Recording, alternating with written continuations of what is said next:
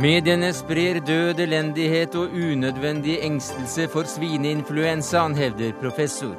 Lett å si for en som ikke skal selge aviser, svarer redaktør. Helseministeren vil gi unga mat på skolen. Fullstendig skivebom, sier Høyre. Forsikringsselskapene får innsyn i legejournalen. Svekker tilliten mellom pasient og lege, advarer Legeforeningen.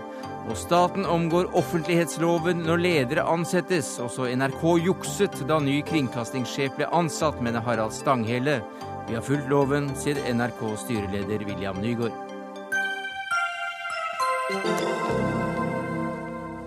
Ja, Det er noen av sakene i Dagsnytt 18 denne fredagen, der vi også tar inn filmfestivalen i Tromsø, som i, i dag har bestemt å vise dokumentarfilmen der israelske soldater forteller om sitt syn på staten, på Israels folk og nasjonen.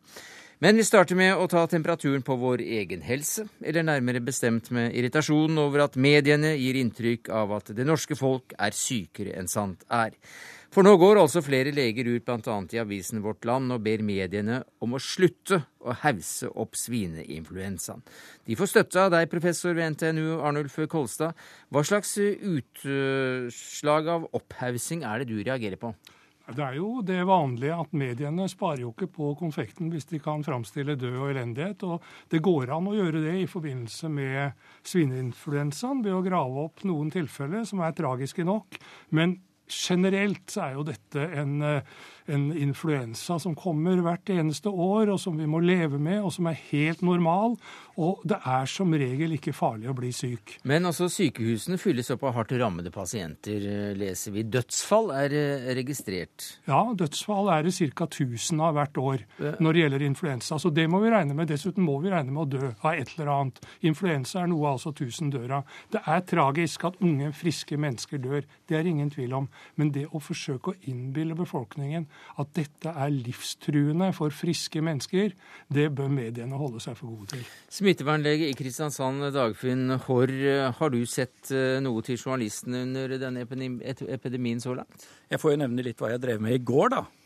Etter at jeg riktignok selv hadde latt meg vaksinere på lokal-TV dagen før, så måtte jeg i går kaste om programmet og vaksinerte egenhendig 53 heldigvis mest i risikosonen, samtidig som jeg vasket hender på to forskjellige TV-kanaler, samtidig som jeg vaksinerte én på riksdekkende radio og to på lokalradio.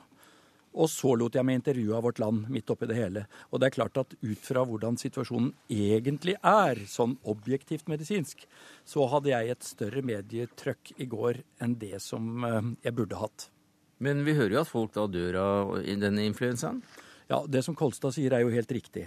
Men hadde det ikke vært det dødsfallet, så hadde nok media oppført seg på en helt annen måte. Hvis du leser mye av det som media skriver, og ser hva, hva de har, så er det jo stort sett bra informasjon. Det er jo fargeleggingen som blir så mm. gal. Og det de vekker i folk, det er jo en slags dødsangst.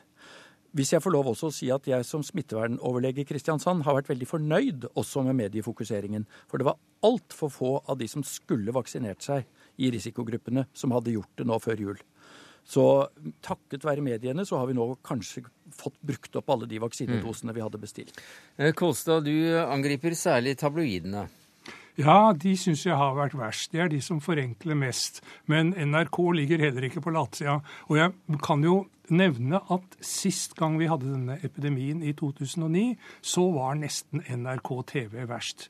Da kom helsemyndighetene til orde med et skrekkscenario som fortalte at 1,2 millioner nordmenn kom til å bli syke, og antagelig 13 000 kom til å dø. Og det er klart at det satte en skrekk i de aller fleste, mm. men altså igjen unødvendig. Jeg syns de har vært bedre nå. Jeg syns de har lært, altså helsemyndighetene, av det som skjedde i 2009. Så helsemyndighetene har blitt bedre? Jeg syns det. Mens uh, journalistene er De har heller ikke blitt verre, men uh, de har nok også uh, holdt seg litt mer i skinnet enn i 2009. Noe bak, altså, også fordi vi kjenner dette viruset bedre, antagelig. Men NRK TV er ikke til stede, men det er heldigvis du, Gunnar Stavrum, redaktør i Nettavisen. Vi hadde invitert eh, tabloidredaktører, men eh, den ene ligger hjemme i influensa. Så hva sier du til eh, da følgende forslag til overskrift, hvis vi skal, skal følge både professorene og smittevernlegen her? Alt er normalt, svineinfluensaen er ingenting å bekymre seg for. Det er ikke noe spesielt god tabloid tittel, kan vi være enige om. Eh, jeg tror at, eh, at, det siste poenget her er ganske godt. og det er at eh, Skal du komme ut med nyansert informasjon, så må du ha en plan fra helsemyndighetenes side. Forrige gang så innkalte de til pressekonferanse og la fram powerpoints hvor det viste at det var ikke usannsynlig at 13 000 kunne dø. Selvfølgelig skriver mediene om det. Problemet er jo ikke at mediene gjengir det. Problemet er jo at helsedirektøren gikk ut og sa det på en pressekonferanse. Ja, Men eh, denne gangen så har jo da helsemyndighetene ifølge Kolstad vært svært mer edruelige. Ja, og akkurat i denne saken så har ikke Nettavisen gått spesielt langt, så jeg føler ikke at jeg har noe stått rett for. Men jeg tenker at for mange så er det å bli ordentlig syk det er faktisk en nokså dramatisk hendelse, selv om ikke du kan dø av det. Vi har alle arbeidsplasser hvor vi, hvor vi har fem-ti medarbeidere som nå ligger hjemme med tung influensa. Vi vet at det er farlig for noen. Eh, og så får vi ganske dårlig informasjon. Som, eh, hvor farlig er det egentlig, og er det farlig å ta vaksine, og bør man ta vaksine eller ei? Eh, der syns jeg ikke vi får gode svar fra helsemyndighetene. og Da må vi faktisk også prøve å gjøre jobben vår og finne ut av det. Ja, men Det dere gjør er jo det samme hvert år. Kan dere ikke prøve å være litt fantasifulle og originale og for en gangs skyld fortelle hvordan vi kan faktisk redusere risikoen ved bl.a. å gå mer og unngå Eh, kollektive transportmidler ved å nyse ut i løse lufta. Nei, hundre det, altså la være å gjøre det. Og en del andre ting. Og, og, og ikke minst være borte fra jobben. Det må dere oppfordre folk til å være, og, og ikke gå og være en risiko uh, i, i nært samvær med andre. Altså, Fordi om Nettavisens redaktør er den eneste friske, så kan jeg ikke ta på meg å snakke for alle medier. Eh, men det er klart at, at det er jo en epidemi eh, rundt oss. Vi ser jo at mange blir syke. og Det, det, er, jo, det er, jo, ikke rart at folk vil lese om det. Eh, så det, det er opplagt at vi må skrive om det. Og akkurat de tingene du nevner, har vi faktisk skrevet en del om. Jeg vil jo også få lov til å si at uh, jeg har hatt veldig gode erfaringer med lokale media her på Sørlandet, som har sett poenget i at god informasjon til befolkningen faktisk slår an. Blant annet hadde vi en oppsummering av en influensaepidemi for noen år siden hvor overskriften var 'Alt var fullstendig som vanlig'. Og det var riktig god journalistikk, det. Så jeg ønsker meg vel kanskje at flere journalister ser at god helseopplysning kan være god journalistikk. Man behøver ikke å tabloidisere og legge på med veldig mye emosjoner for at folk skal synes at dette er OK å men, men at alt er normalt, det er ikke noe som selger særlig mange aviser, Stavrum? Nei, det er jo ikke det. Og eh, den dagen kommer aldri at media vil komme til en pressekonferanse hvor helsedirektøren sier at det er sannsynlig at 13 000 skal dø. Vi går hjem og skriver at alt er som normalt, her er det ikke noe å skrive hjem om. Det kommer ikke til å skje. Men sier om alt er normalt, så er det vel vanskelig å skrive at alt er normalt, eller legge vekt på det på en førsteside? Ja, men jeg tenker igjen at, at det vi mangler, er en, en informasjonsplan. Eh, F.eks. Eh, mye tidligere at folk burde vaksinere seg. Eh, og en mer stringent plan av hva man ønsker å informere. Eh, sånn som det er nå, så er det litt schizofrent. Helse, helseministeren han ønsker ikke å vaksinere seg, men fem andre i regjeringen har gjort det. Hva skal vi tro? Ja, Hva skal vi tro, helseminister Jonas Gahr Støre? Du er her for å diskutere en helt annen sak, men nå sitter du nå her. Ja, ja, nå kan jeg være kommentator, da. Eh, og da tenker jeg at alt er som normalt. Eh, punkt én, det er influensa i Norge. Det kommer hver vinter. Eh, punkt to, eh, sindig helsepersonell de syns at mediene overdramatiserer noe som er veldig vanlig for helsepersonell. Mediene prøver å forklare at de overdriver ikke, de gjør jobben sin og selger aviser. Og da er det ganske normalt. Men jeg har lyst på å si at eh, faktisk knytte fast til det at mediene spiller en veldig viktig rolle her. Og jeg mener at eh, mediene, også tabloidene, har gitt veldig mye god informasjon til folk de siste dagene. Hva er det? Hvem er risikogruppe? Hvordan kan du bli smittet? En del informasjon som vi i helsevesenet må innrømme at vi har vanskeligere med å komme ut med. Så her tror jeg vi må gi og ta litt. Jeg tror de som er i en fagprofesjon alltid vil føre at eh, mediene kutter til mm. ting på en måte som tar bort nyansene. Men Like vanlig som julaften og nyttårsaften er at den nordlige halvkule har influensa i eh, januar, og nå er vi midt i det. Men du har altså gått ut og sagt at du ikke tar denne vaksinen, mens fem andre regjeringsmedlemmer ifølge Stavrum her har sagt at de gjør det. Og da er jo signalene litt forskjellige, da. Nei, men også det er helt normalt. Omkring en million av oss er i en såkalt risikogruppe. Det gjelder de eldste. Og så gjelder det folk med sykdommer, eh, kronisk syke, unge mennesker som har grunn til å tenke på den måten. De kan velge om de vil ta det. Det er rådet om at de bør gjøre det, men de kan velge det. Og vi som ikke er i risikogruppen, vi kan også velge det. Jeg kan ikke sitte og si om eh, alle statsrådskollegene ikke er i risikogruppen. Det kan være noen av dem som har en kronisk sykdom som de ønsker å eh, ta hensyn til. Eh, så det er normalt. Jeg har ansett at jeg er 52 år ved god helse, og at jeg da ikke har vaksinert meg nå. Jeg vaksinerte meg da svineinfluensaen var der. Så håper jeg kommer gjennom det, og skulle jeg bli sjuk, så, så får jeg ta det.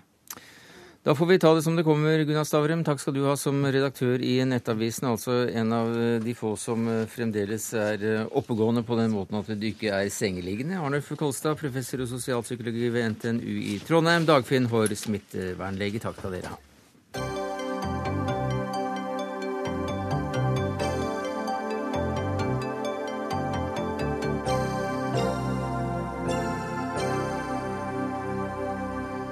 Ja, Så langt ukas eh, kanskje viktigste helsesak, eh, i hvert fall i mediene, Jonas Gahr Støre. Men du er her for å slå et slag for at skolebarna skal få sunn mat i storefri.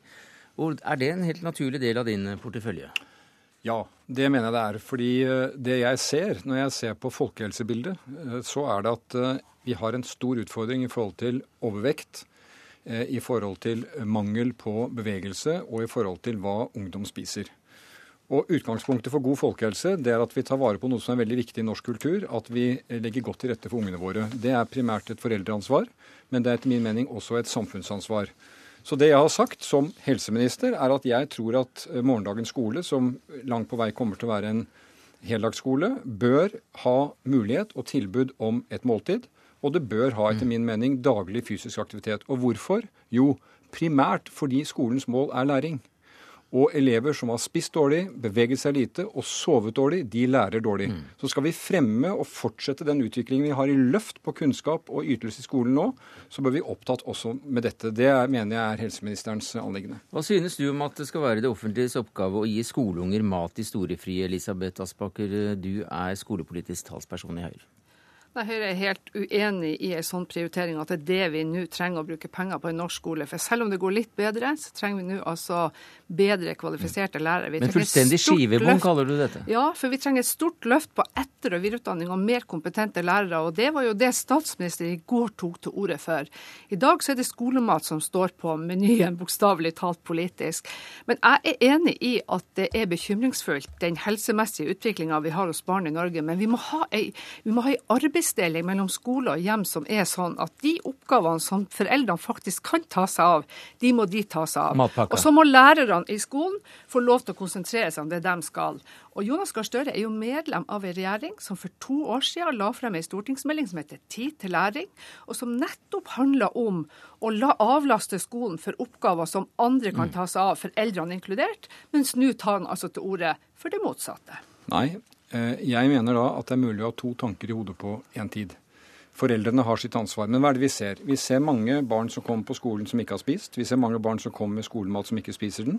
Og vi ser tilbud om usunn mat til barn. Det gir dårlig konsentrasjon, dårlig læring. Eh, jeg mener at skal vi ha en ambisjon Det som undrer meg, er at Høyre, som er for, sier de, skole og ambisjon og læring, ikke ser hvor viktig dette er. Eh, det første de vil gjøre før de henger av seg frakken hvis de skulle få regjeringsansvar, er å kutte støtten til frukt og grønt. Jeg tar opp en prinsipiell spørsmål om at ernæring er viktig for læring. Eh, jeg har lest nå i dag om det forsøket du gjør på, i Sogndal. Hvor du har altså på um, den skolen som heter Trudvang skole, rektor Bjarne Ramstad. Han viser til at de har sastet systematisk på fysisk aktivitet og målt det opp mot læring. Læringen øker. Nå har de i Sogn og Fjordane fått 17 millioner kroner til å teste ut gjennom et prosjekt de kaller Active Smarter Kids. Mm -hmm. Altså det betyr aktive og smarte barn for å se hva det betyr at du får fysisk aktivitet i skolen. Alle får det, for alle er i skolen. Og de skal måle akademisk skoleprestasjon, forebyggende folkehelse og skoletrivsel. Men er det skolematen som er poenget her? Og så er skolematen den andre delen av det.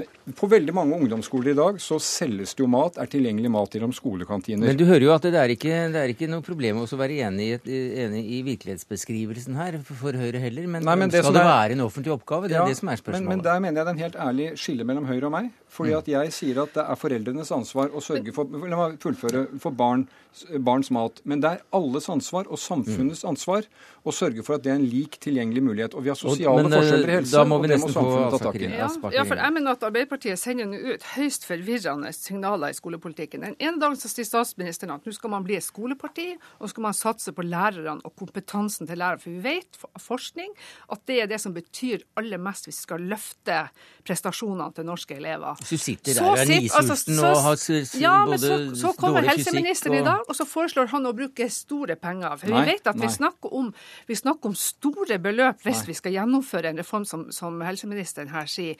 Men jeg har lyst til å si at jeg syns det er det er faktisk en grunnleggende viktig diskusjon. ikke sant? Altså om, om det er rett at staten skal frata familiene og foreldrene det ansvaret det er å sende mat med, skole, med, med ungene på skolen.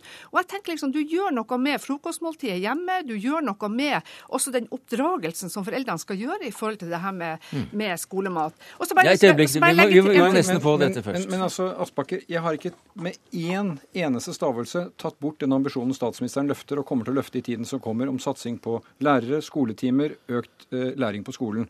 Men det jeg sier, den vi skal lære, er eleven. Og hvis den eleven har spist dårlig, trent lite og sovet dårlig, da har vi et dårlig utgangspunkt. Og der er forskjellen på deg og meg. Jeg vil ikke frata foreldre noe som helst. Jeg bare konstaterer at vi har sosiale ulikheter. Vi har et samfunnsprosjekt i å løfte alle. Og da er det ikke snakk om å bruke store milliarder på dette, men jeg tror vi på en lang rekke områder kan tenke smart. Det er ikke snakk om varm mat nødvendigvis. Det er snakk om å ha tilbud i gode skolekantiner. Det er snakk om å legge til rette for at vi kan få uh, forutsetningene for læring. Men, men hvorfor kan ikke dette da være et, et lokalt anliggende, hvordan man eventuelt skal gjøre det? Og at man kan gjøre det i samarbeid i så fall med foreldrene. Hvorfor skal dette bli en stor statlig oppgave? For uansett hva helseministeren sier, så kommer det her til å koste penger. Og når det gjelder fysisk aktivitet i norsk skole, altså norsk skole og norske elever har flere gymtimer enn noen av nabolandene våre har. Mm. Men la oss holde oss til maten. Ja. La oss holde oss til Ja, maten. Men hvorfor i all verden kan man ikke bruke noen eh, millioner kroner på å gi ungene både bedre og mer og sunnere mat, slik at Nei, det blir litt at, likt for her? at norske foreldre har i generasjoner smurt matpakke til ungene sine, og er fortsatt i stand til å gjøre det. Så Så kan du stoler ikke helt på altså, foreldrenes Jo, men- ansvar men- her, men at de tar det alvorlig? Dette er igjen, jeg mener, Høyres begrensning. fordi at jeg smører mat til mine unger. Mange foreldre gjør det. Så opplever jeg en del ganger at ungene sier etterpå at vi spiste ikke den maten allikevel. Det er et foreldreansvar. Men det er et faktum at veldig mange unger kommer på skolen, har spist dårlig, har ikke med seg matpakke, og da bruker de isteden penger på å kjøpe dårlig mat. Er det et anliggende vi bør ta tak i? Jeg mener ja. Ikke som et nødvendigvis Elisabeth, et statlig ansvar. Jeg er veldig for det lokale. Samarbeidet mellom skolen, kommunen, frivillige, de som er rundt. Eh, eh, Mine unger de betaler noen kroner på ungdomsskolen når de kjøper et måltid der. Bedre ungdomsskolekantiner er en vei å gå. En, en, gjerne et spleiselag også uh, med foreldre. Men Aspaker, trekker i, i andre deler av Europa som er langt dårligere stilt eh, enn det Norge er, så har, vi jo, har de jo da slike ordninger med, med skolemat. Ja, altså Man har hatt et annet utgangspunkt fra start. Altså, men Men, men vi hva altså- er det du vet som, eh, som de da bommer så kraftig på, siden Nei, de har en eh, at- ordning som ikke du vil ha? Jeg konstaterer bare at i Norge så kan de aller fleste foreldrene greie å ruste ungene sine ut med både en god frokost før de går, og en matpakke på skolen.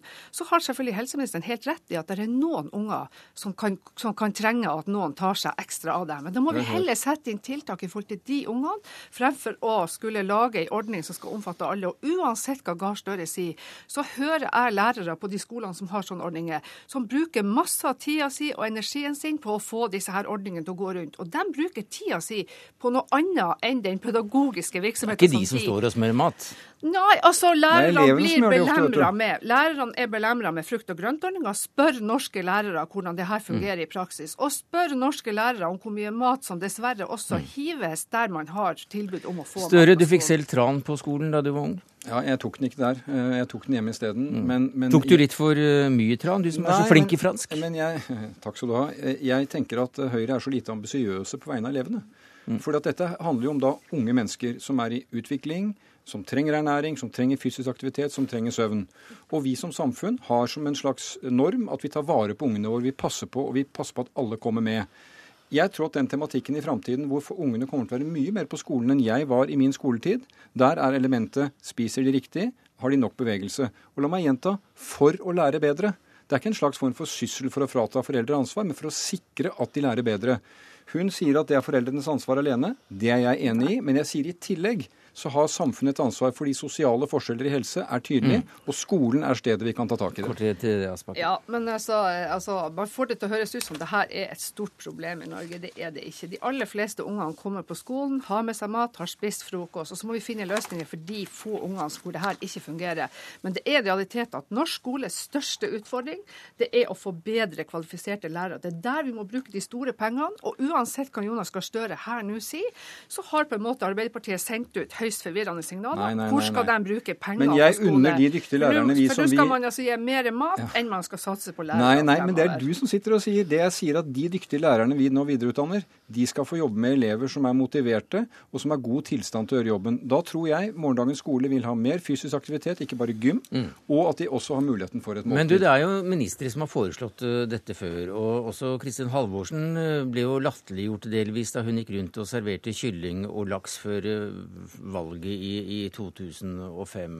Solhjell fikk ikke gjennom det som minister i, i den forrige Stoltenberg-runden. Nei, altså jeg, vi, jeg har jo sagt at jeg syns SV fikk for mye tyn for det. For jeg mener tanken var veldig riktig. Så kan du spørre om laks og det ene og det andre var riktig veien å gå inn i det. Og jeg tror vi må være veldig pragmatiske i måten vi gjør det på. Jeg er ikke for at vi skal bygge om norske skoler med varmkjøkken. Det er ikke vår matkultur. Men jeg tror altså at hvis vi setter dette på dagsorden, en stor grad handler om opplysning, mye mer ernæringsopplysning tilbake igjen til foreldre. Det er mhm. mange foreldre som har, trenger å vite om det. Eh, eh, og at dette er en ambisjon for skolen, igjen, hvor målet er bedre læring. Fordi Elever som har spist feil, sovet for lite, beveget seg for lite, de lærer dårlig, og det er dårlig for Norge. Takk skal du ha, Jonas Gahr Støre, helseminister Elisabeth Aspaker, stortingsrepresentant for Høyre.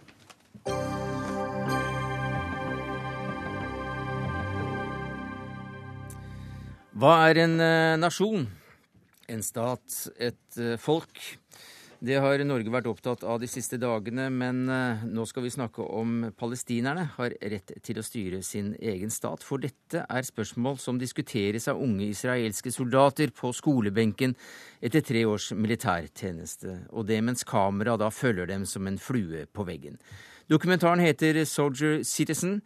Den er en av fem filmer om Israel som skal vises på Tromsø internasjonale filmfestival i midten av januar. Og Henning Rosenlund, du er programsekretær for eh, denne festivalen. Hva er det vi får vite gjennom denne filmen? Uh, ja, hva får man vite? Man får vite, man får vite ganske mye. Det er det er ikke så lett å sette to streker under svaret og si at, eh, at filmen handler om, eh, om kun ei meningsbryting eller én ting. For dette er en film som handler på mange måter om hele det israelske samfunnet. Men hva er det de sier, disse som jo er, fremdeles er ungdommer, men som også er ferdig med for så vidt militærtjenesten? Nei, Det som er interessant å se, er hvordan uh, unge folk diskuterer store moralske spørsmål eh, som de må ta stilling til helt konkret. Uh, og, og eh, de, som for eksempel? Nei, det er jo noen av de spørsmålene du stilte, som hva er en nasjon, hva er et stat, hva er et folk? Altså I dette klasserommet så har de en eh, fantastisk engasjerende lærer, som de nok oppfatter som litt eh, venstrevridd, men som allikevel vinner deres respekt. Og han, han, tar opp situasjoner de har vært i. De, dette er soldater som har vært utplassert i de okkuperte områdene, som har stått, på, stått i veisperringer og, og stoppa folk som har vært i skarpe situasjoner. Eh, måtte, ja, som måtte da ta stilling til helt andre ting enn det vi eh, ungdommer på samme, eller unge voksne på samme alder i Norge har måttet gjort. Så han stiller dem konkrete spørsmål som at eh, det, det, du sa du hadde gjort der med en, eh, med en palestinsk mann du møtte i veisperringa, det, det, var kanskje ikke helt OK gjort. Du sier jo sjøl at det var, det var, på kanten. Hvem kan han klage til? Mm. Hvem er rette myndighet for denne mannen å rette sin klage til? Hvis du blir trakassert av en politimann i, i Tel Aviv, hvem er det du går til? Da går du kanskje til din stortingsrepresentant, eller du klager til politistasjonen. Hvem skal denne mannen klage til? Denne type spørsmål. Og dette diskuterer de med, med liv og lyst. Tar, tar, tar, tar filmen stilling i konflikten? Nei, jeg vil ikke si at tar, filmen tar uh, stilling i konflikten. Uh, det er en israelsk film uh, som handler, handler, om en israelsk debatt som er kontinuerlig og pågående, mm. heller. Hanne Eggen Røiselien, førsteamanuensis ved Forsvarets ingeniørhøgskole. Du skal opp til Tromsø om et par ukers tid for å snakke om disse filmene. Det er flere av dem. Og du har selv tatt doktorgraden på israelske soldater, som du har dybdeintervjuet over flere år. Eh, dette virker jo på som ikke kjenner forholdene, uvanlig selvransakende, eller hva sier du? Ja, på, på, hvis man ikke kjenner uh, israelske forhold og som man kanskje får presentert herfra, så kan det virke sånn. Men uh, disse filmene er ikke unike. Altså, det er gode filmer, men de er uh, mer hva skal vi si, resultater av en trend. De er en del av noe som har pågått i Israel over ganske lang tid, nemlig nærmest en egen sjanger som er, driver med selvransakelse. Israelsk film og israelsk kultur generelt har de siste særlig siden 2000, hatt en eh, endring. Og det er at særlig de har begynt å rette søkelyset mot seg selv, eh, mot militæret, mot okkupasjonen. Men ikke mot konflikten som sådan, men hva det gjør med det israelske samfunnet. Hva det gjør med israelere. Hvilke spørsmål israelere, som du sier vanlige israelere, da blir stilt overfor. Eh, som soldater er jo det er vernepliktig her, så dette er ikke sant, vanlig ungdom som blir hentet fra stranden i Tel Aviv og da satt på disse checkpointene, eller skal kjempe krigen i Libanon, Gaza nå nylig sant? Den typen spørsmål som da vanlige israelere blir eh, stilt overfor. Hva gjør dette med folk? Israel er et samfunn som har vært i konflikt i mange tiår. Det er klart at det preger jo folk. Og eh, da har det startet som sagt en debatt som mm. er om hva gjør dette, altså Påvirker det oss? Hvordan påvirker det oss? Hva? Ja, Det har bl.a. dette du skriver en doktorgrad eh, om. Så uansett filmer, hva, hva gjør det med dem? Det gjør eh, selvfølgelig veldig mange ting med dem. Eh, det er, eh, Hvis man spør om hvordan disse, eh, disse spørsmålene resonnerer i den israelske befolkningen, så er det jo ganske stor forskjell på eh, Det er mange generasjonsskiller. Det er det jo også generasjonsskiller på tvers av også politiske skiller. Hvordan man faktisk eh, tar de imot. Det er klart at Hvis du er en bosetter, så vil du reagere annerledes enn du vil gjøre hvis du er på venstresiden i Tel Aviv. Men det det unektelig gjør, gjør, og som det har stadig sterkere bevissthet om Israel, er at det militariserer samfunnet. Eh, det er, eh, man kaller jo gjerne israelere nettopp fordi at de har gutter har tre år i verneplikt, og så er de på repetisjonsøvelse en måned i året. Så kaller man dem gjerne soldater i sivil. Nettopp fordi at du aldri helt slipper slipper den militære tankegangen. Og nettopp dette etiske rammeverket som mm. tas opp i disse filmene, er jo Etikk ligger mye dypere i deg enn juss, f.eks. enn juridiske rammeverk. Det er noe du ikke bare legger fra deg idet du går fra et checkpoint. Så dette her preger israelere. Og i og for seg også når det gjelder posttraumatiske lidelser, som vi kan jo bare, det kan man jo forstå er en ganske stor mm. bagasje. Men tilbake til disse filmene. Hvor vanlig er det at israelske filmskapere kommer med dokumentarer som går såpass tett på det militære? I stadig økende grad eh, vanlig. Det, I den forstand at det er eh, også mye mer akseptert. Eh, mange husker filmen 'Vals med Bashir', eh, som var én liksom, film som tok for seg hva eh, Libanon-krigen i 82 gjorde med israelere. Men det er jo bare én eh, av veldig mange, eh, og den er slett ikke enestående. Eh, man kan, det er nesten en man kaller det et eh, generasjonsskifte. At den nye generasjonen filmskapere har det som desidert hovedtema. Nettopp å ta for seg militæret med kritisk søkeblikk på mm. forskjellige måter. Og noe av dette skal også da uh, dere ta og vise fram i, uh, i Tromsø internasjonale filmfestival, uh, Henning Rosenlund. For dette er bare én av fem filmer om Israel. De andre, hvilke sjangere er det? nei, altså den, dette, er, dette, er, da en dokumentarfilm, den vi snakker om, mm. 'Soldier Citizen'. Så har vi en til dokumentarfilm som, som spiller veldig på det samme og egentlig bekrefter det som han Egen Røiselien sier, som heter 'The Gatekeepers'. og det er en dokumentar som, hvor man har intervjua seks ledere for Shin Beth, altså etterretningstjenesten, den militære etterretningstjenesten innad i Israel. Eh, om kontraterrorisme og om de metodene de har brukt. Og, eh, i, ja, siden egentlig 80-tallet og frem til i dag, men den trekker linjen helt tilbake til, til eh, okkuperinga av landet etter seksdagerskrigen i, i 67. Eh, og den filmen er også på en måte kanskje overraskende sjølkritisk i at også disse folkene helt oppe i toppstillingen eh, bekrefter på en måte altså det her kritiske, sjølreflekterende moduset, eh, hvor de er ganske klar på at eh, de metodene de bruker og har brukt, har ikke ført til større sikkerhet. Og, og hvor det også blir sagt snakk om akkurat dette med militarisering. Altså hva gjør det med et land at militæret er så viktig?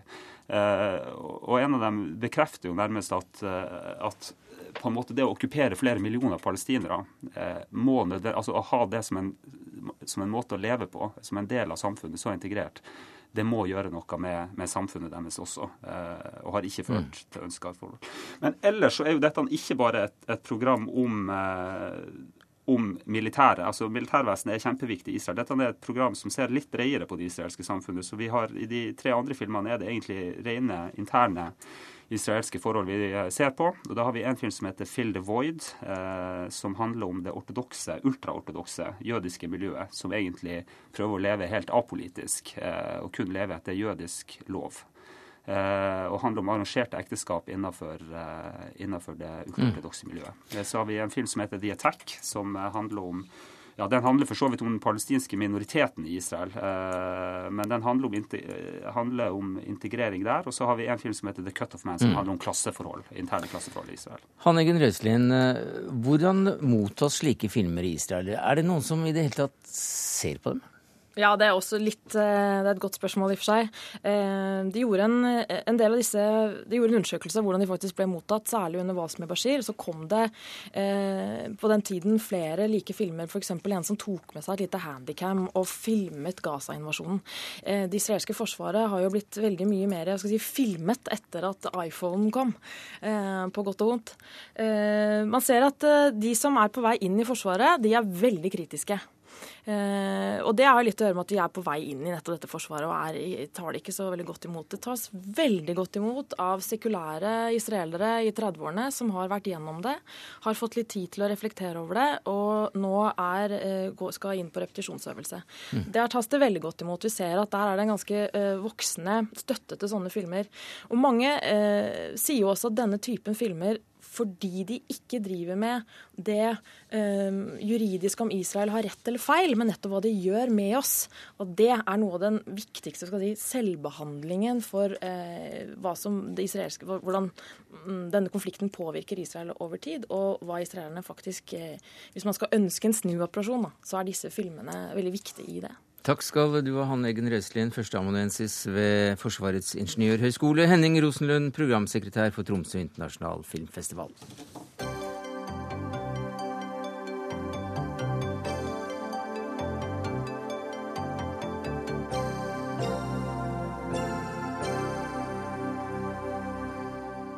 Ja, Ifølge loven skal statlige institusjoner offentliggjøre søkelistene til sine stillingsutlysninger. Men uh, dette er bare et uh, spill for galleriet, skriver du i dagens kommentar i Aftenposten, politisk redaktør Harald Stanghelle. Hvordan det? Eh, vi har sett litt for mange viktige statlige stillinger der eh, det er opp og avgjort på førerhånd hvem som får jobben. Det betyr at det praktisk talt ikke er kvalifiserte søkere. Det er gjerne den ene som søker, fordi alle andre konkurrenter og interessenter vet at det går i retning av den. Det har vi sett når det gjelder eh, departementsråd i Justisdepartementet, vi har sett det i forhold til departementsråd i Helsedirektoratet, helsedirektør, eh, politimester i Oslo osv. Og siden vi sitter her i den bedriften vi gjør, og du angriper eh, NRK først i kommentaren, så får vi blotte ryggen litt her for selvpisking. For NRK har bestemt seg for hvem som skal lede bedriften etter Hans Tore Bjerkås. Det er jo godt kjent. Og det er vanskelig å finne ytringer som går mot uh, hans kvalifikasjoner. Men måten Tor Gjermund Eriksen fikk jobben på, har du reagert særlig på. Hva var galt? Ja, Det er jo fordi at uh, i utlysningsteksten for den nye NRK-sjefen, eh, altså Bjerkås sin etterfølger, så står det at NRK er omfattet av offentlighetslovas bestemmelser om rett til innsyn i søkerliste. Det som skjedde, var at eh, styret offentliggjorde ei eh, syltynn søkerliste like før, altså et par timer før selve styremøtet. Det var helt åpenbart da at Tor Gjermund Eriksen var sikra jobben. Han hadde jo til og med meldt seg ut av Arbeiderpartiet en dag eller to før for å ha den ryggen fri. Altså, det er ikke noe problem å skjønne dilemmaet til NRK-styret. Det er heller ikke noe problem å skjønne dilemmaet til Tor Gjermund Eriksen, som satt som, eh, som konsernsjef i A-media. Men, Men intensjonen bak offentlighetslova den er bråte. Og det er spesielt uh, interessant da at det er en institusjon som NRK du mener bryter en slik lov? Ja, Det som er litt trist, er at vi som journalister og medieorganisasjonene, presseorganisasjonene, har vært en pådriver, og vært en kritisk pådriver, for at uh, søkerlister og søknadsprosesser skal være åpne. Og da er det trist å konstatere at uh, landets viktigste medieinstitusjon ikke greier å leve opp til den standarden som vi krever av andre. Hva sier du til denne Graus Sambe Salbe, William Nygaard, styreleder i NRK? Eh, jeg, jeg forstår faktisk eh, Harald Stanghelle når han eh, sikter til eh, intensjonen med offentlighetsloven. Eh, det gjør jeg. Den støtter jeg varmt, og har, eh, vi har hatt det i sikte. Men det som også er like viktig, viktig å understreke, er at styret i NRK og arbeidsutvalget i, Eh, i denne prosessen veldig sterkt har jobbet for at de formelle ting må ivaretas, og håpet på en fyldig søkerliste fra det ene hovedløpet, som er å annonsere stillingen offentlig ledig. Og så får du også en prosess som eh, Harald Stanghelle mener at det er et spill for galleriet. Ja, Det er det jo ikke. Altså, Her tar han helt feil. Hvordan da? Følgende er situasjonen. Her pågår det da en uh, søkeprosess hvor eh, både eh, det nettverket som styret representerer selv, kommer med forslag til navn til, eh, ut fra kriterier som er forhåndsdefinert. I tillegg hyres det inn et konsulentselskap som kan dette fra A til Å, og kommer med sine kandidater. Lister på 50 pluss 30. Gjennom ulike møter og lange prosesser så, så sorteres de til skjønnsomt ned mm -hmm. til en gruppering på, som er håndfullt uh, åtte stykker kanskje. Og så starter intervjuingen intenst. Både i arbeidsutvalg og til slutt i en finalisering i et styre. Problemstillingen er at vi har altså ingen kandidater fra den offentlige prosessen, men må søke etter navn selv, hvor de ikke er blitt bedt om å bli spurt. Og vi har ingen rett til å definere dem som søkere. Ehm, jeg er veldig glad for at eh, William Nygaard som NRK-styreleder støtter varmt offentlighetens intensjon, lovas intensjoner. Ja, Det skulle bare mangle. Ja, Men det triste er at når det kommer til praksis, så bryter en de samme intensjonene. For dessverre eh, så tar jeg ikke helt feil.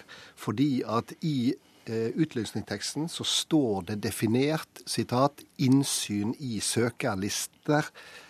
Sitat slutt. Det er til og med anledning for en søker å reservere seg hvis den har gode grunner mot å få navnet sitt offentliggjort. Mm. I dette tilfellet så offentliggjorde NRK-styret søkerlista to-tre timer før selve styremøtet. Det var da opp og avgjort at det var Tor Gjermund Eriksen som skulle bli NRKs neste sjef. Et godt valg, men måten det skjedde på, var et slag i ansiktet på vi som har kjempa for offentlighet, og oss journalister som krever krever det av mm. andre. Med hvilken rett kan en nå ta og si at departementsrådsstillinger skal ligge åpent uh, søkerliste i dagevis, ukevis på førhånd, så vi kan diskutere det, når eh, det offisielle Norge kan si at se en ting, ikke engang NRK greier å gjennomføre dette. Det er et dilemma. Det er et dilemma. Eh, og det er rette ord på denne situasjonen. Vi hadde selvsagt som ett hovedmål, og det var å søke den beste kandidat, det beste navn, eh, for denne stillingen. Og da var det vanskelig å komme med en helt åpen søkeliste? Da ville ikke, søke, da ville ikke denne navnelisten sett slik ut. Nei, Men betyr dette William Nygaard, at du mener at offentlighetslova egentlig er ubrukelig på dette punktet? Altså, Det må dere vurdere. som Nei, har... du som NRKs styreleder. Jeg, jeg, jeg, har sagt, Ubrukelig er ditt uttrykk. Jeg har sagt at her oppsto det et dilemma. Hadde søkerne søkt på den offentlige eh, annonsen, så hadde det ikke vært noe dilemma. Men i dette tilfellet så var ikke offentlighetsloven særlig egnet for å fremme den beste søkeren og få vedkommende inn De hadde i denne situasjonen ikke fått eh, de rette navnene som til slutt ble søkere. Men, det, men, men, Stanghelle, men Stanghelle, eh, siden du representerer jo for så vidt Aftenposten, et ikke helt ubetydelig mediehus, og der eh, har du vel ikke helt åpne søknader, eh, heller? Nei, det er en stor forskjell. Vi er ikke underlagt offentlighetslova. NRK er den eneste mediebedrift som er underlagt offentlighetslova, og grunnen til at jeg tar opp dette i dag, det går ikke bare på NRK, det går på en rekke departement og direktorat, det er at jeg ser en tendens, og en veldig klar tendens, til at en effektivt omgår og bryter offentlighetslova. Og når jeg har brukt NRK som eksempel, så er det nettopp fordi at ei mediebedrift som NRK burde gått føre og vist at dette var mulig å gjøre. Fordi vi er så kritiske til andre, også NRKs egne journalister. Ja, Dilemmaet som vi påpeker, har vist at dette var ikke mulig i denne situasjonen. Etter min oppfatning så var det mulig, fordi at det var fullt mulig å offentliggjøre ei søkerliste før to timer før ansettelsen, fordi at ved å, ved å offentliggjøre den så tett inn på den formelle ansettelse, så viser en punkt én at den reelle ansettelsen er foretatt eh, før i et eh, lukka eh, rom, lukka krets. Og det andre en viser, det er at det er umulig å skape et rom for et viss grad av offentlig diskusjon rundt den viktigste viktigste mediejobben i Norge. Men viser ikke dette Stanghelle, at uh, med en gang man får en, uh, en åpenhet i beslutningssystemer altså, og prosesser, altså foretas beslutningen uh, et annet sted?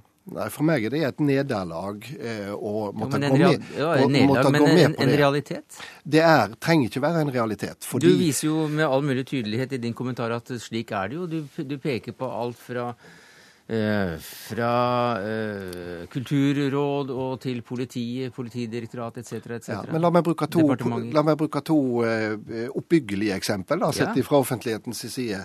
De to siste gangene det har vært, det har vært utlyst stillinger kanskje en av de viktigste i Norge, nemlig høyesterettsjustitiarius, så har det vært reell konkurranse om jobben. Hvordan vet du det? Det vet jeg fordi at jeg har sett søkerlistene, eh, og fordi at det var sterke navn som søkte. Og i går så offentliggjorde NRK eh, en voldsom mengde med navn som hadde søkt, eh, søkt stillingene som korrespondenter. En offentliggjorde en parade av sterke journalister journalistnavn. Eh, programlederen her er en av de, som står på den lista. Der sier søkerne OK, vi aksepterer offentlighet. To konkrete eksempel. Ett fra den viktigste justisinstitusjonen vi har, et annet her fra NRK. Og denne, eh, denne, eh, situasjonen blir altså undergravet av den virksomheten du mener lå i forkant av ansettelsen av kringkastingssjef. Ja, Det jeg konstaterer, det er at en ikke fulgte intensjonen til offentlighetslova. Det er trist, og det er ekstra trist når det kommer fra NRK-styret. Og dette vil jeg altså ikke erklære meg enig i, fordi intensjonen var nettopp å etterleve offentlighetsloven i hele sin dybde og om sin bredde. Eh, men eh, dilemmaet er til stede i det øyeblikket søker ikke melder seg. Dermed setter vi punktum for det. Harald Sanghelle, takk skal du ha som politisk redaktør i Aftenposten. William Nygaard, styreleder i NRK.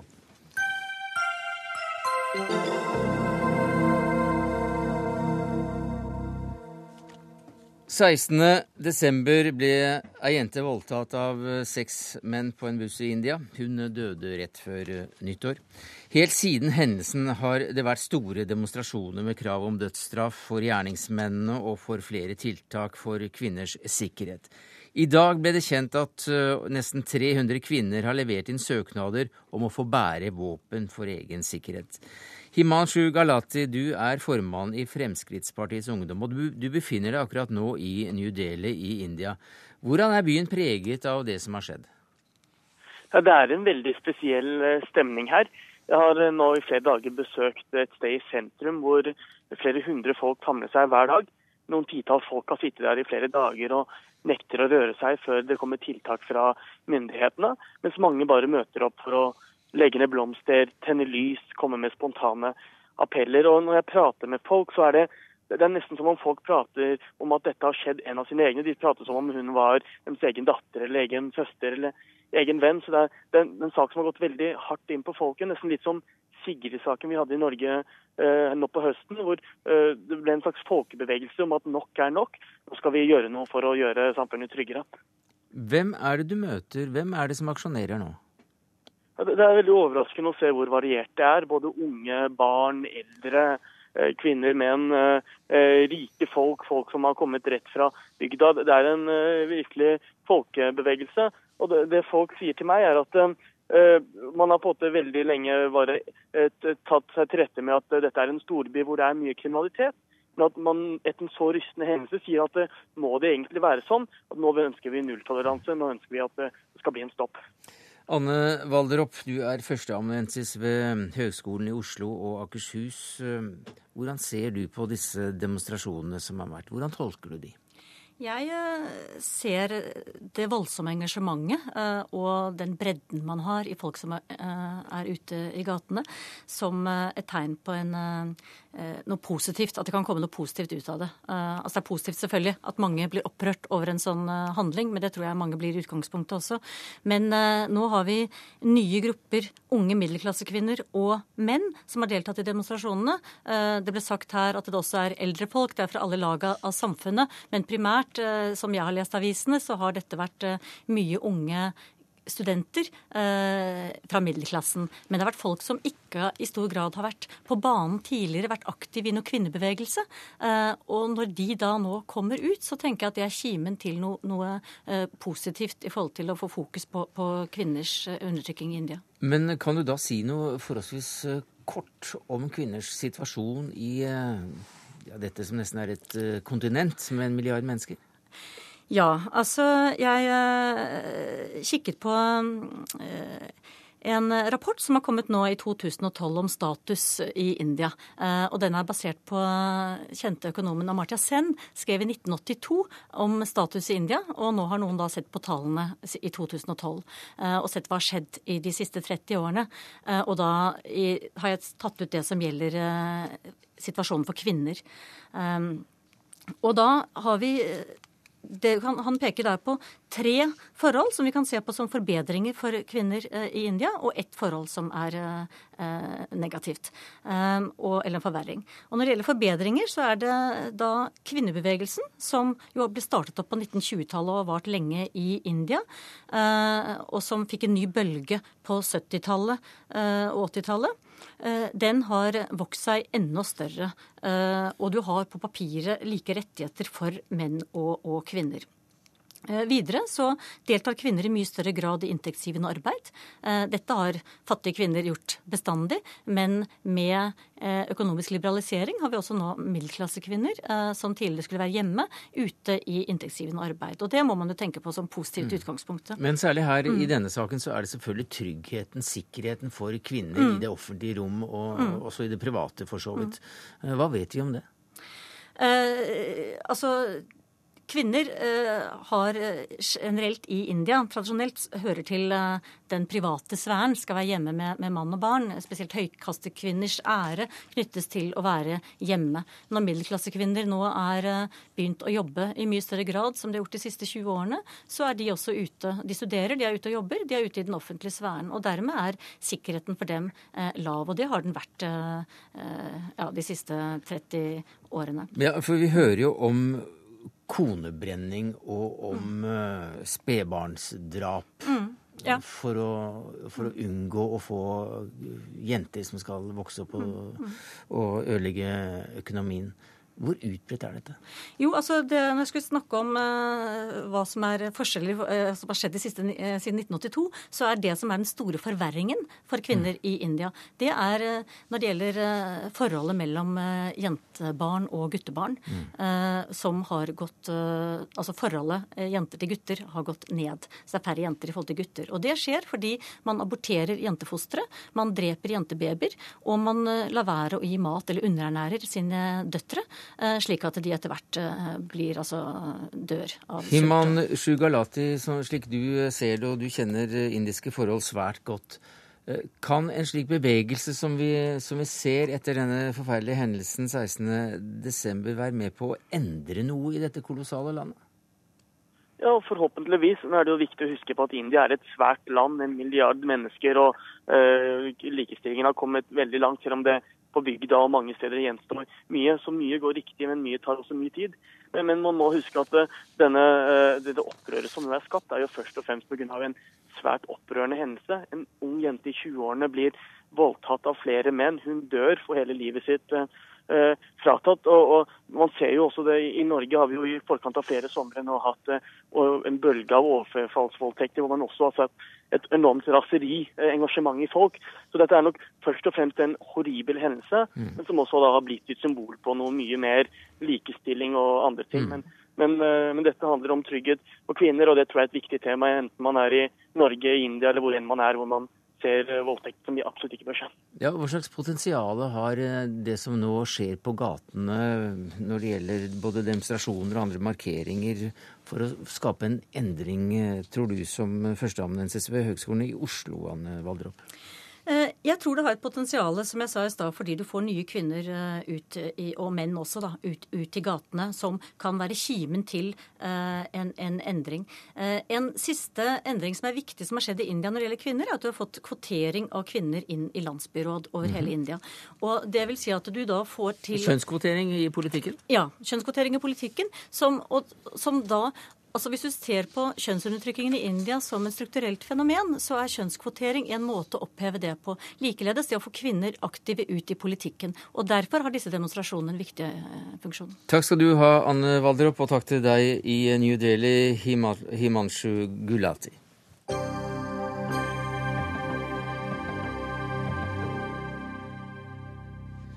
Så til hva slags opplysninger eh, man skal, eller bør, og gjerne må, gi forsikringsselskapene. I enkelte avtaler må du gi fra deg svært sensitive data og gi selskapet fullmakt til å gå gjennom legejournalen din. Og innholdet blir altså da lagret hos selskapet. Dette er ikke du som president i Legeforeningen veldig begeistret for, Hege Gjessing. Hvorfor ikke?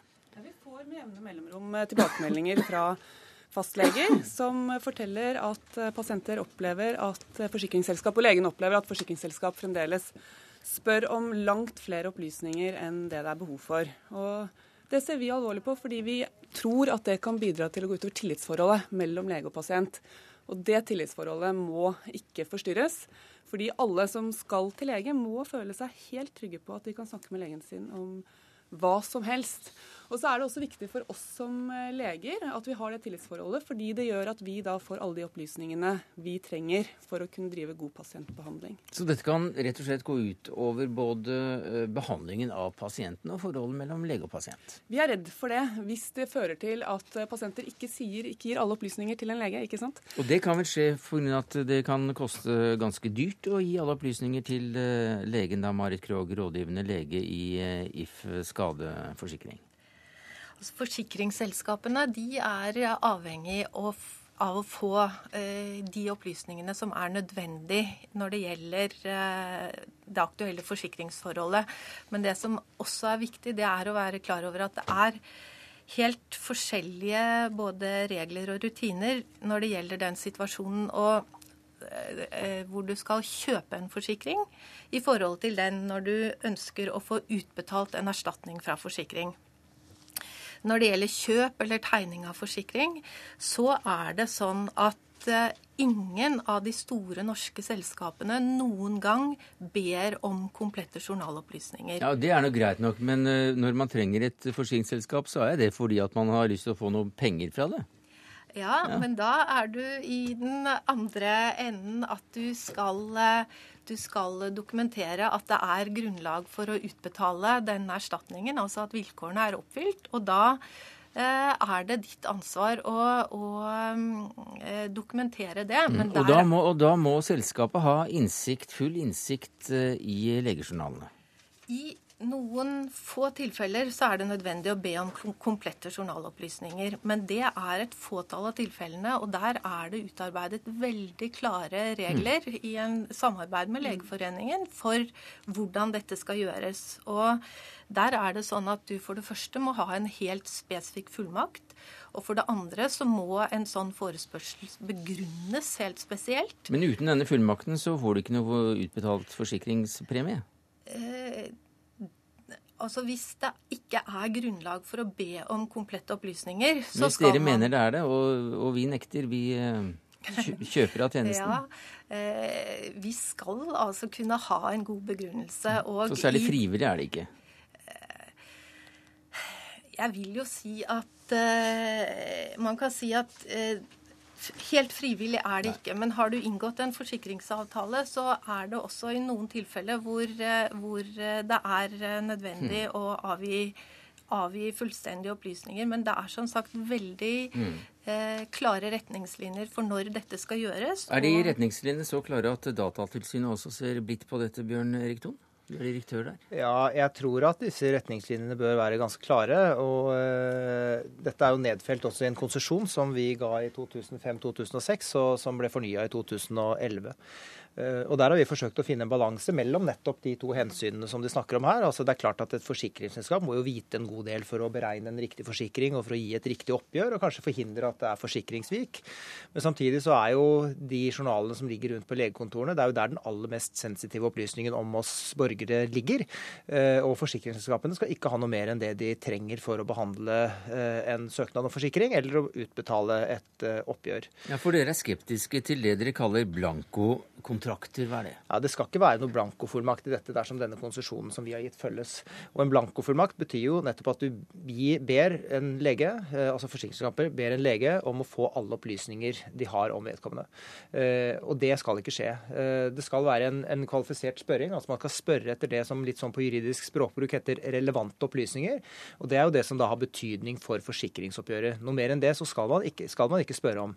Og Samtidig så er det nedfelt i denne konsesjonen at legen skal gjøre en vurdering av hva som skal utleveres. Og Der har legen en plikt. Eh, og det kan nest se ut, uten at jeg, ja, det er en diskusjon for så vidt, men det kan se ut som om eh, det er lagt en ekstra stor plikt faktisk på legen om å gå inn og sile de opplysningene som skal til forsikringsselskapet. Eh, så her er legen også nødt til å være voksen og ta det ansvaret han har, eller hun har, for å ivareta pasienten sin rettssikkerhet og, eh, og taushetsplikten sin.